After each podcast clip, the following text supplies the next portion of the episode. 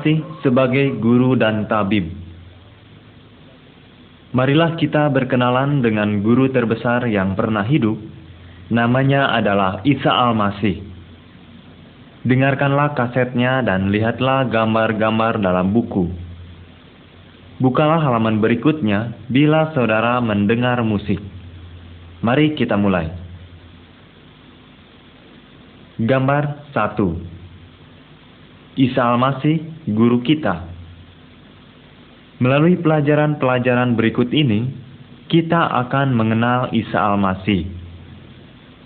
Ia sedang mengajar orang-orang di sekitarnya tentang Allah, yaitu satu-satunya Allah yang benar dan yang telah menciptakan kita semua.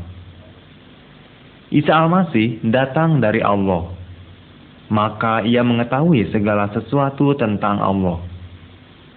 Allah mengasihi semua orang. Tetapi semua orang terpisah dari Allah karena dosa, yaitu perbuatan jahat yang dilakukan orang-orang.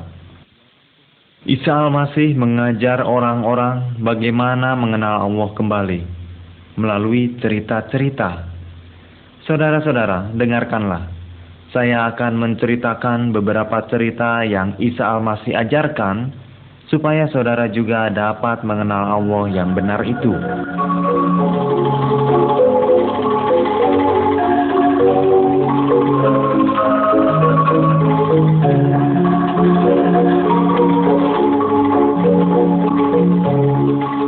Gambar 2 Dua buah rumah Isa Al-Masih bercerita tentang dua buah rumah seperti yang kita lihat pada gambar ini. Rumah yang satu dibangun di atas batu, sehingga dasarnya kuat. Pada saat diserang badai, rumah itu tidak roboh. Rumah yang satu lagi dibangun di atas pasir. Ketika badai datang, robohlah rumah itu. Lihatlah, rumah itu hanyut dilanda banjir. Isal masih berkata bahwa orang yang membangun rumah di atas batu adalah orang yang bijaksana kita juga harus membangun kehidupan kita di atas dasar yang kuat. Dasar yang kuat untuk kehidupan kita adalah percaya dan taat kepada ajaran-ajaran Isa Al-Masih. Jika kita mentaati ajaran tentang Allah, maka kehidupan kita tidak dapat dihancurkan oleh iblis setelah kematian. Kita juga dapat tetap kuat meskipun terjadi masalah-masalah atau badai dalam kehidupan.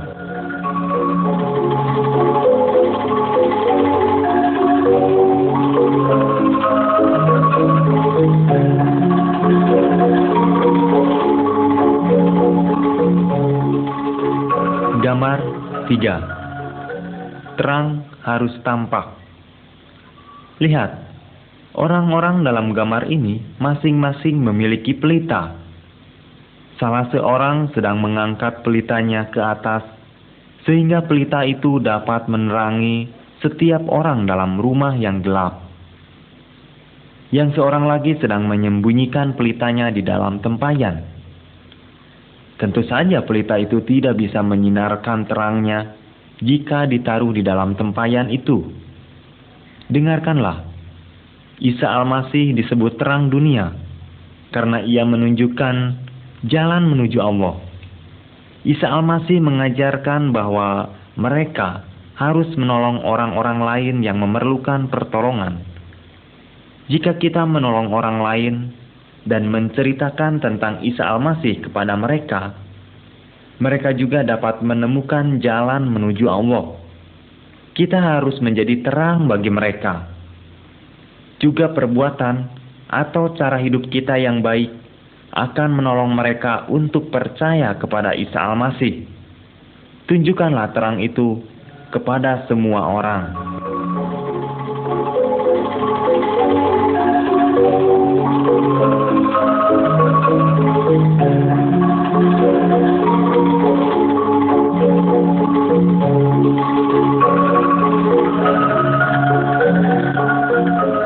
Gambar 4 Balas dendam Lihatlah, ada seorang prajurit Roma yang kejam sedang memukul seorang Yahudi.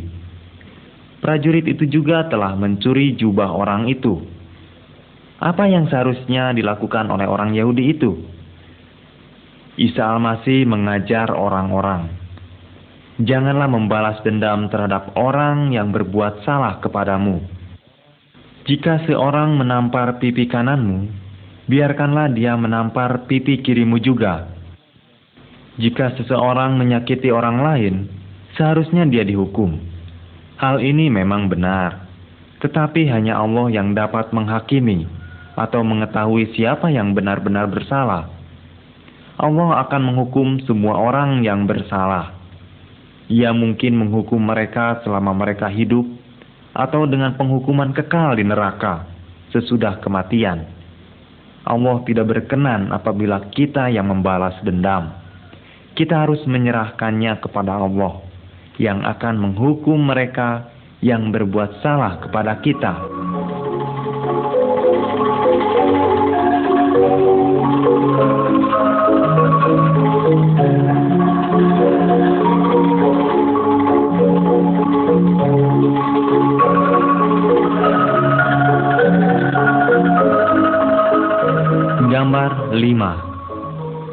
Berdoa kepada Allah. Dalam gambar ini, kita melihat dua orang sedang berdoa, bercakap-cakap dengan Allah. Yang seorang berdiri di jalan sambil mengulang-ulang doanya yang panjang. Ia ingin dilihat dan dipuji orang. Orang ini adalah orang munafik. Allah tidak menjawab doa seperti ini. Isa Al-Masih berkata bahwa apabila kita berdoa kepada Allah, kita harus masuk ke tempat yang khusus atau tersembunyi. Orang yang kedua sedang berdoa di dalam rumahnya, di mana tidak ada orang lain kecuali Allah yang dapat melihat dia. Ia rendah hati dan sungguh-sungguh pada waktu ia berbicara kepada Allah. Allah mendengar dan menjawab doa seperti ini.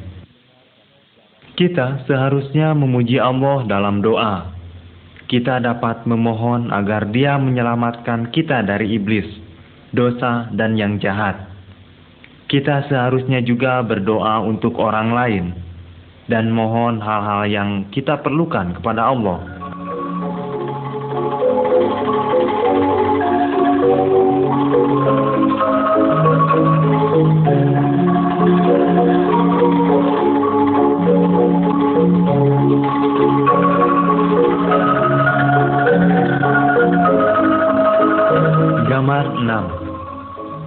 Orang-orang jahat di antara orang-orang yang percaya di dunia.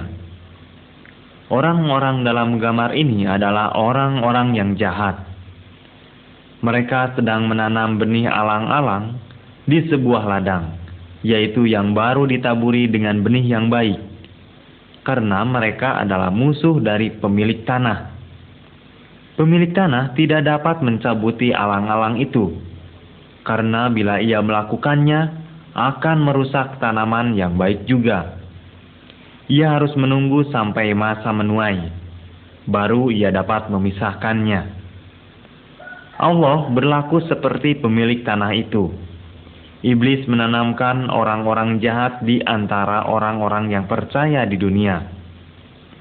Tetapi apabila waktunya tiba, Isa Al-Masih akan datang dan ia akan memisahkan iblis dan hal-hal yang jahat dari mereka yang percaya dan mengikuti Allah. Yang jahat akan dicampakkan ke dalam api atau neraka. Dan Isa Al-Masih akan mengumpulkan orang-orang yang mengikuti dia untuk tinggal bersama-sama dengan Allah selama-lamanya.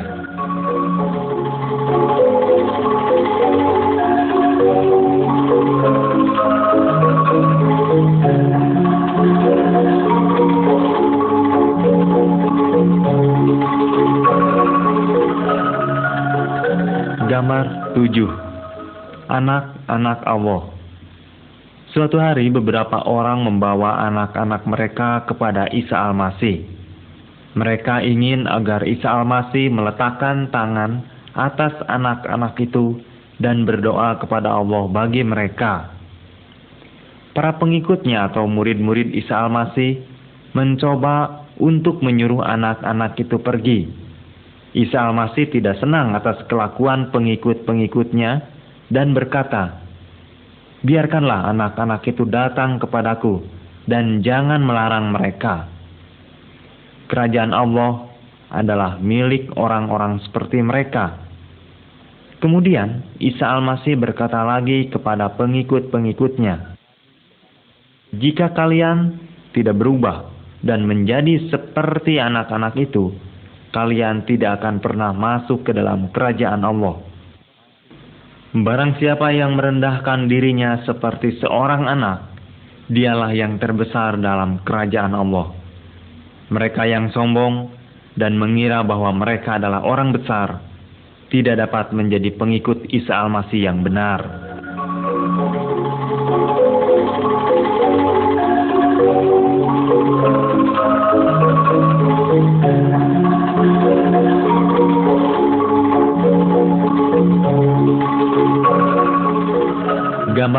8 Domba yang hilang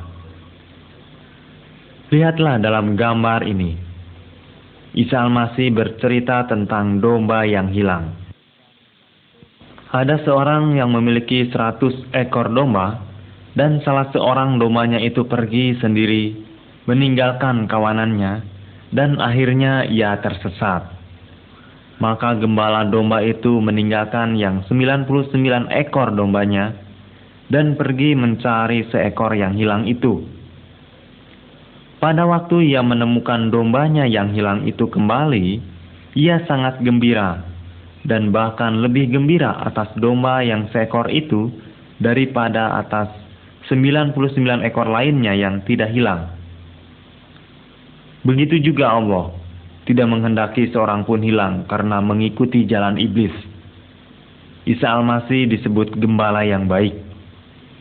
Ia datang untuk mencari dan menyelamatkan orang-orang yang terhilang, seperti gembala tadi mencari dombanya. Isa Al-Masih bersedia menyerahkan nyawanya untuk menyelamatkan kita dari dosa, dari iblis, dan dari kematian kekal.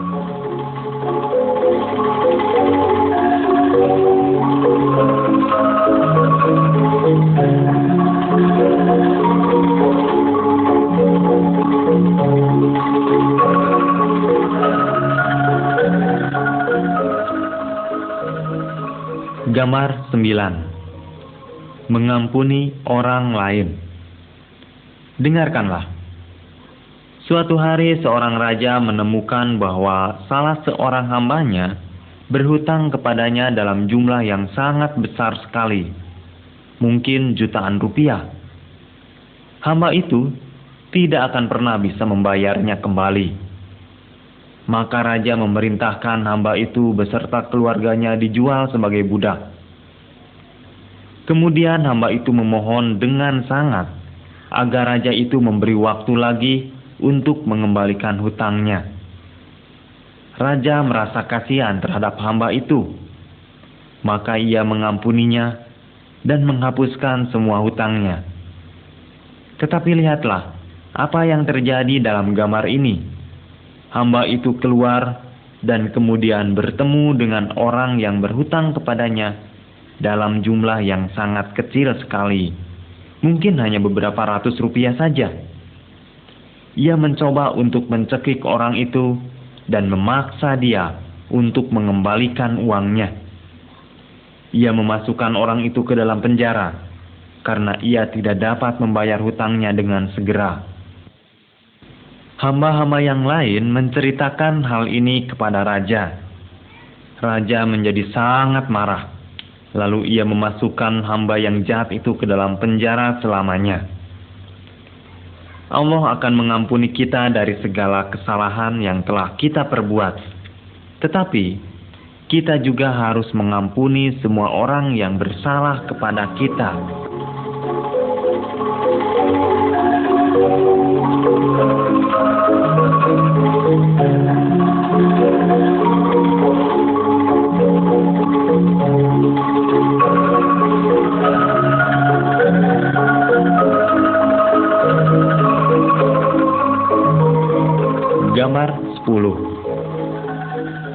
Penghargaan Allah.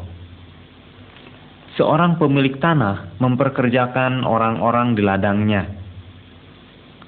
Ia setuju untuk membayar mereka masing-masing satu uang perak sebagai upah bekerja sehari penuh. Pada petang hari, pekerja-pekerja itu datang untuk menerima upah mereka. Tetapi lihatlah, orang pertama yang diberi upah adalah orang yang bekerja pada petang hari. Ia baru bekerja sedikit, tetapi ia menerima satu uang perak. Juga sama seperti upah bekerja sehari penuh. Orang kedua baru bekerja setengah hari. Orang yang terakhir telah bekerja sehari penuh mereka semua menerima jumlah upah yang sama. Orang-orang yang telah bekerja sehari penuh menggerutu karena mereka tidak mendapat lebih banyak. Tetapi pemilik tanah telah membayar mereka upah kerja sehari penuh, sebagaimana mereka telah menyetujuinya. Isa Al-Masih mengajarkan bahwa Allah juga berbuat demikian. Allah terlalu adil tetapi ia baik hati dan juga pemurah. Allah akan memberikan kehidupan kekal kepada semua orang yang mengikuti Isa Al-Masih. Itu adalah pemberian dari Allah yang tidak dapat dicari sendiri atau didapat karena pekerjaan yang kita lakukan untuk Allah.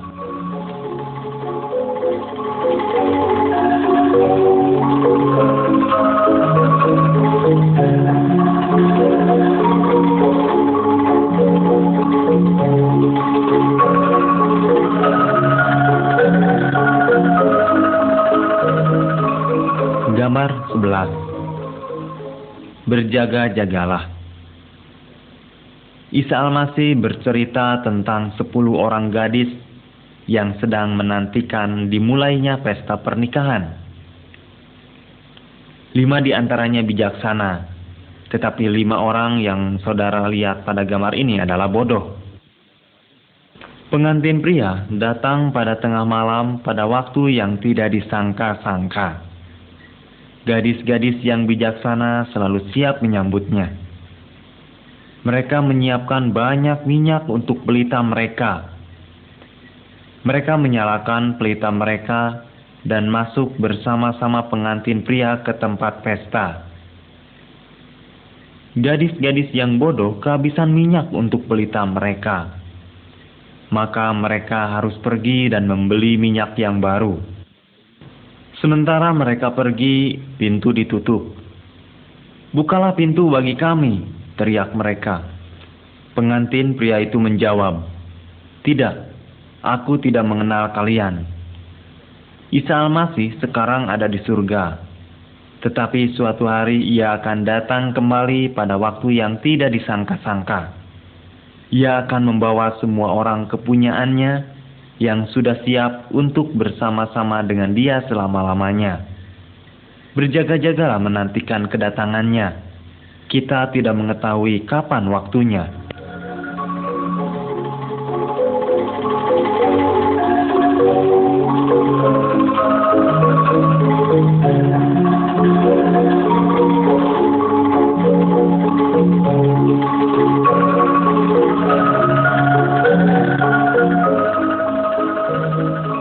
Gambar 12 Menantikan Isa Al-Masih Bagaimana saudara? Apakah sudah siap untuk menyambut kedatangan Isa Al-Masih? Dengarkanlah. Orang yang penting dan kaya dalam gambar ini baru saja kembali dari suatu perjalanan yang panjang. Sementara ia pergi, hamba-hambanya diberi kepercayaan untuk memakai sebagian dari uangnya hamba yang satu mendapat lima mata uang.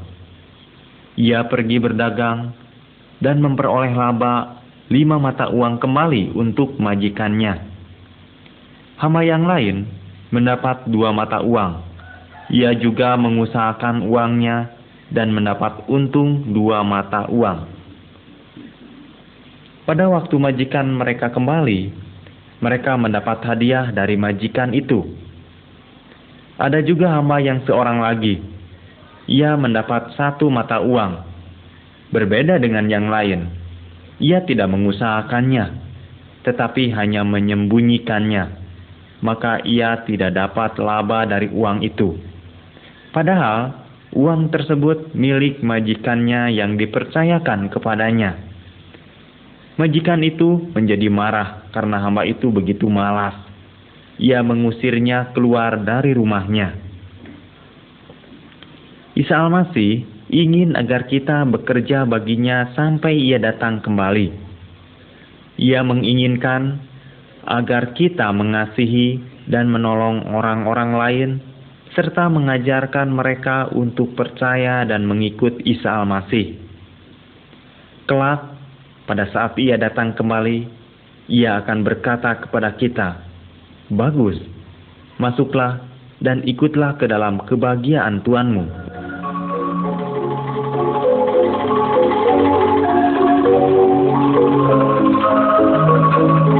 Gambar 13 Isa Al-Masih dibaptis Dalam gambar ini kita melihat apa yang terjadi sebelum Isa Al-Masih mulai mengajar. Orang yang bersama dengan dia di sungai disebut Yahya. Nabi Yahya mengetahui bahwa pada suatu hari Isa Al-Masih yang berasal dari Allah akan datang karena itu, Nabi Yahya memperingatkan orang-orang Yahudi bahwa mereka harus berbalik dari jalan mereka yang jahat dan bersiap untuk mengikut Isa Al-Masih. Orang-orang yang mempercayai perkataan Nabi Yahya dibaptis dengan air. Mereka melakukan hal ini sebagai tanda bahwa mereka mau mengubah cara hidup mereka dan mulai hidup berkenan kepada Allah. Tetapi Isa Al-Masih juga datang kepada Nabi Yahya. Isa Al-Masih tidak pernah melakukan hal-hal yang tidak berkenan kepada Allah. Pada waktu Nabi Yahya membaptis Isa Al-Masih, ada kejadian yang menakjubkan. Langit terbuka dan Rohul Kudus dari Allah turun ke atas Isa Al-Masih dalam bentuk seperti burung merpati. Lalu terdengarlah suara Allah dari surga. Engkaulah manusia yang kukasihi. Sejak waktu itu Isa Al-Masih melakukan banyak mujizat.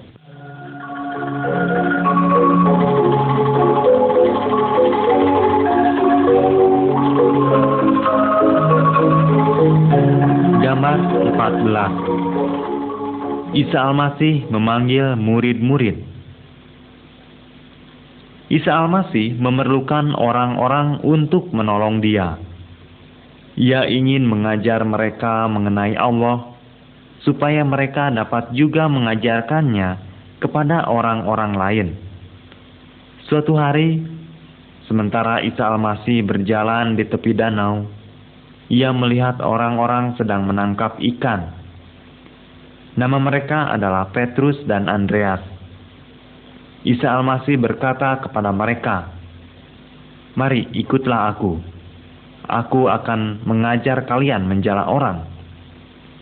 Lalu mereka pun segera meninggalkan jalan mereka dan mengikut Isa Al-Masih. Kemudian Isa Al-Masih memanggil Yakobus dan Yohanes. Mereka juga taat dan mengikut Isa Al-Masih.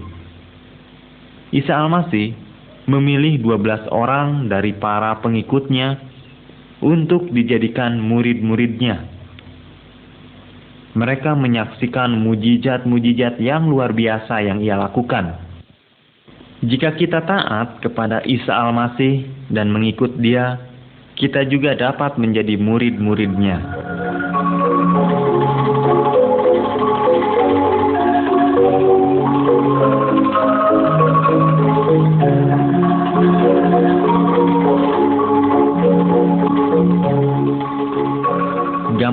15 Manusia ditahirkan Suatu hari, ada seorang yang berpenyakit kusta datang kepada Isa Al-Masih. Ia berlutut di hadapan Isa Al-Masih dan memohon, Kalau engkau mau, engkau dapat mentahirkan aku.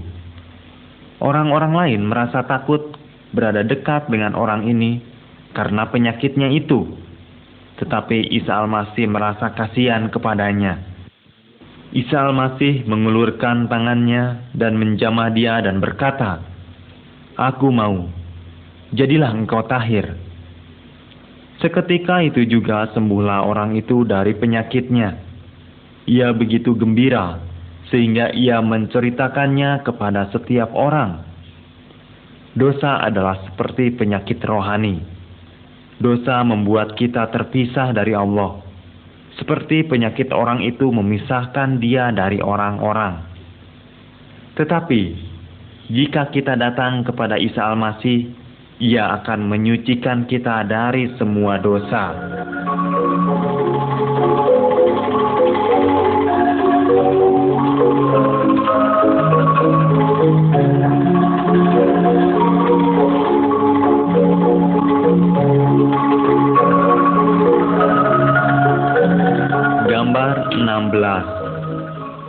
16 Seorang lumpuh berjalan Suatu hari Isa Al-Masih sedang mengajar dalam sebuah rumah mengenai Allah kepada orang-orang. Lalu datanglah empat orang yang membawa seorang yang lumpuh kepada Isa Al-Masih. Tetapi karena banyaknya orang, mereka tidak dapat masuk ke dalam rumah. Maka mereka membuka atap rumah itu. Lihatlah, mereka sedang menurunkan orang itu melalui atap rumah, tepat di depan Isa Al-Masih. Isa Al-Masih melihat iman mereka kepadanya. Lalu ia berkata kepada orang yang lumpuh itu, Anakku, dosamu sudah diampuni. Beberapa ahli agama menjadi marah pada saat mereka mendengar hal itu. Hanya Allah yang dapat mengampuni dosa, kata mereka. Mereka tidak mengerti bahwa Isa Al-Masih adalah Allah. Kemudian Isa Al-Masih berkata kepada orang lumpuh itu, Bangunlah, angkatlah tilammu, dan pulanglah ke rumahmu. Orang itu disembuhkan. Ia bangkit, mengambil tilamnya, dan berjalan pulang. Betapa senangnya dia disembuhkan. Tetapi lebih senang lagi bila Allah mengampuni dosa-dosa kita sehingga kita memperoleh hidup yang kekal.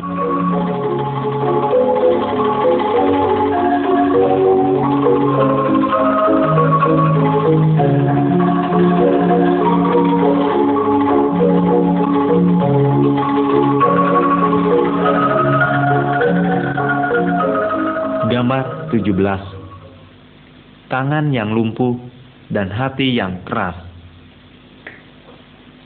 Di sini kita melihat Isa Al-Masih berada di dalam rumah ibadat. Para pemuka agama juga ada di situ. Hari itu merupakan hari yang khusus dalam tiap-tiap minggu bagi orang-orang Yahudi, yaitu hari untuk menyembah Allah. Mereka tidak boleh bekerja pada hari itu. Di rumah ibadat itu ada seorang yang tangannya lumpuh sebelah. Para pemuka agama memperhatikan Isa Al-Masih kalau-kalau ia akan menyembuhkan orang itu. Mereka ingin mempersalahkan Isa Al-Masih karena tidak mentaati hukum orang-orang Yahudi. Karena itu Isa Al-Masih bertanya kepada mereka, Menurut agama, apakah yang boleh kita perbuat pada hari ini? Menolong atau menyakiti orang? Para pemimpin agama tidak berkata apa-apa. Hati mereka begitu keras. Lalu Isa Al-Masih berkata kepada orang yang sakit itu, Ulurkanlah tanganmu. Ia mengulurkan tangannya dan menjadi sembuh. Kita harus selalu menyembah Allah tetapi Allah berfirman bahwa kita juga harus mengasihi dan memperhatikan orang-orang lain.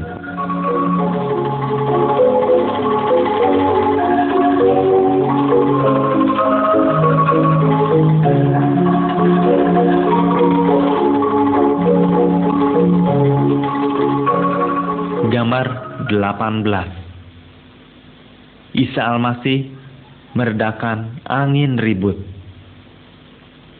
Dalam gambar ini, kita melihat Isa Al-Masih beserta murid-muridnya di dalam sebuah perahu. Mereka sedang membawa dia ke seberang danau yang besar. Tiba-tiba, bertiuplah angin kencang sekali. Ombak mulai masuk ke dalam perahu, dan perahu itu hampir tenggelam. Isa Al-Masih sedang tidur di bagian belakang perahu. Murid-muridnya membangunkan dia dan berkata, Guru, apakah engkau tidak peduli kalau kami akan binasa? Isa Al-Masih bangun dan memerintahkan angin dan ombak itu. Diam, tenanglah. Dengan segera, angin ribut itu pun menjadi reda. Kemudian, kata Isa Al-Masih kepada murid-muridnya, Mengapa kalian begitu takut? Tidakkah kalian percaya kepadaku? Murid-muridnya begitu takjub dan berkata, Siapakah dia? Angin dan ombak pun taat kepadanya. Kita mengetahui bahwa Isa Al-Masih adalah Allah, yaitu Allah yang telah menjelma menjadi manusia. Kita tidak perlu takut, karena kuasa Isa Al-Masih lebih besar daripada kekuatan alam dan lebih besar dari kuasa roh-roh jahat.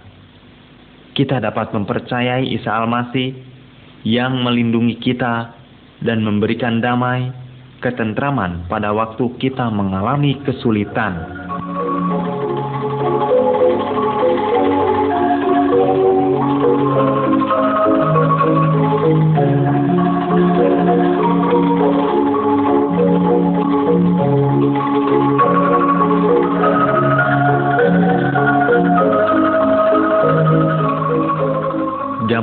19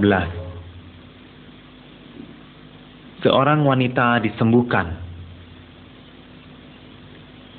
Dapatkah saudara melihat seorang wanita di tengah-tengah orang banyak ini? Ia menderita penyakit pendarahan selama 12 tahun. Ia mendengar bahwa Isa Al-Masih dapat menyembuhkan orang-orang. Maka ia berpikir dalam hatinya, jika aku menyentuh jubahnya saja, pasti aku sembuh. Maka wanita itu menyentuhnya dan seketika itu juga pendarahannya berhenti. Isa Al-Masih mengetahui bahwa ada kekuatan yang keluar dari dirinya. Siapa yang menyentuh jubahku? Tanyanya. Ada banyak orang di sekeliling Isa Al-Masih tetapi wanita itu tahu bahwa Isa Al-Masih sedang menanyakan dirinya. Lalu ia sujud di hadapan Isa Al-Masih dengan ketakutan. Ia menceritakan bagaimana ia telah disembuhkan. Isa Al-Masih berkata kepadanya, Imanmu telah menyembuhkan engkau. Pergilah dengan selamat. Isa Al-Masih mengetahui hal-hal yang kita sembunyikan terhadap orang-orang lain datanglah kepadanya dan percaya bahwa ia juga dapat menolong saudara.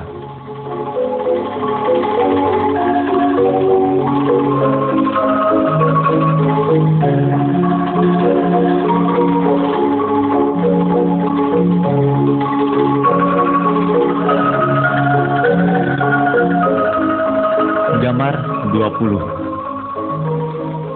seorang anak yang mati hidup kembali. Isa Al-Masih sedang berada dalam perjalanan menuju rumah seorang yang bernama Yairus. Yairus adalah seorang yang sangat penting. Anak perempuannya sedang sakit. Tetapi sebelum Isa Al-Masih tiba, anak itu sudah meninggal. Isa Al-Masih berkata kepada Yairus, "Jangan takut tapi percayalah. Isa Al-Masih minta supaya Yairus percaya bahwa ia dapat menyembuhkan anak perempuannya. Orang-orang di rumahnya sedang berduka. Isa Al-Masih hanya membawa Yairus dengan istrinya serta tiga muridnya masuk ke kamar di mana anak yang sudah meninggal itu dibaringkan. Isa Al-Masih memegang tangan anak itu dan berkata kepadanya, Anak perempuan, aku berkata kepadamu, bangunlah. Anak perempuan itu segera bangun dan berjalan, dan mereka memberi dia makan. Isa Al-Masih memiliki kuasa atas maut. Orang-orang yang percaya kepadanya dan mengikuti dia tidak perlu takut mati.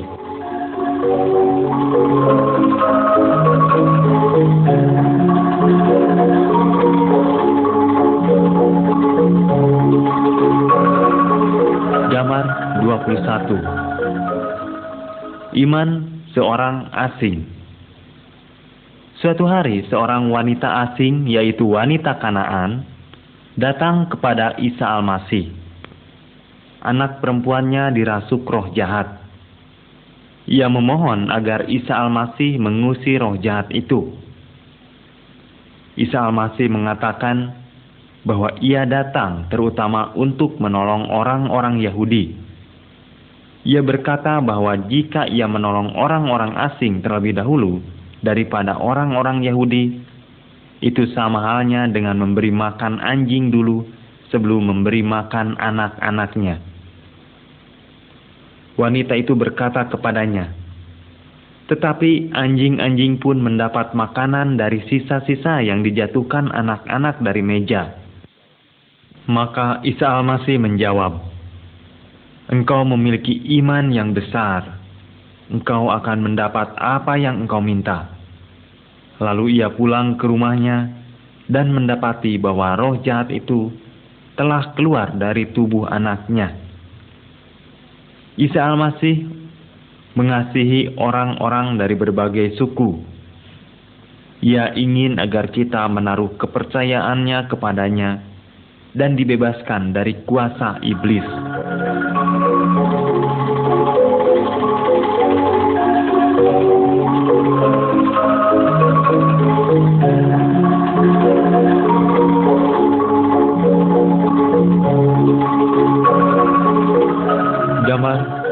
22 Seorang tuli mendengar Beberapa orang membawa seorang laki-laki kepada Isa Al-Masih. Orang itu tuli sejak lahirnya, sehingga ia tidak dapat berbicara dengan baik. Isa Al-Masih membawa orang itu keluar dari antara orang banyak. Lalu ia memasukkan jarinya ke telinga orang itu. Kemudian ia meludah dan menjamah lidah orang itu. Isa Al-Masih menengadah ke langit dan berkata kepada orang itu, Terbukalah.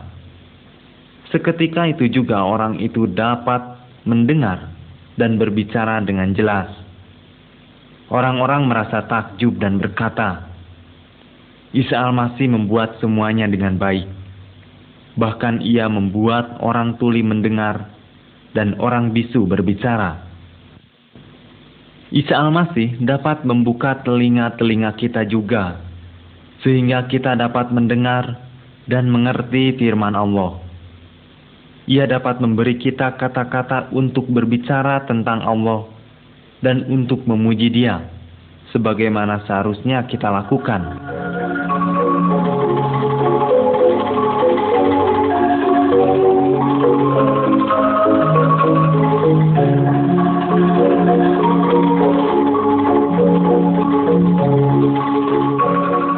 Gambar 23 Isa Al-Masih membuat orang buta menjadi melihat. Dalam gambar ini kita melihat seorang yang buta. Isa Al-Masih menuntun orang itu keluar dari kampungnya. Ia meludahi mata orang itu dan bertanya kepadanya, Apakah engkau melihat sesuatu? Orang itu mulai dapat melihat, tetapi belum jelas maka ia berkata, Aku melihat orang-orang, mereka seperti pohon-pohon yang sedang berjalan-jalan. Lalu Isa Al-Masih menjamah mata orang itu sekali lagi. Maka orang itu dapat melihat dengan jelas. Betapa senangnya orang itu melihat Isa Al-Masih. Iblis membuat kita buta rohani. Iblis tidak ingin kalau kita mengenal Isa Al-Masih atau mengerti firman-Nya yang akan menyelamatkan kita.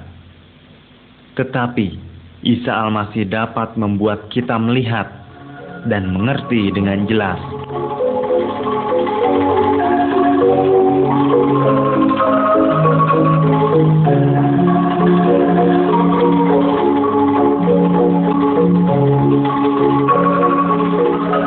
Gambar 24 Kuasa Isa Al-Masih atas iblis Seorang laki-laki membawa anaknya kepada murid-murid Isa Al-Masih. Ia memohon agar mereka mengusir roh jahat yang ada dalam diri anaknya. Tetapi murid-murid tidak dapat melakukan hal itu. Kemudian Isa Al-Masih datang.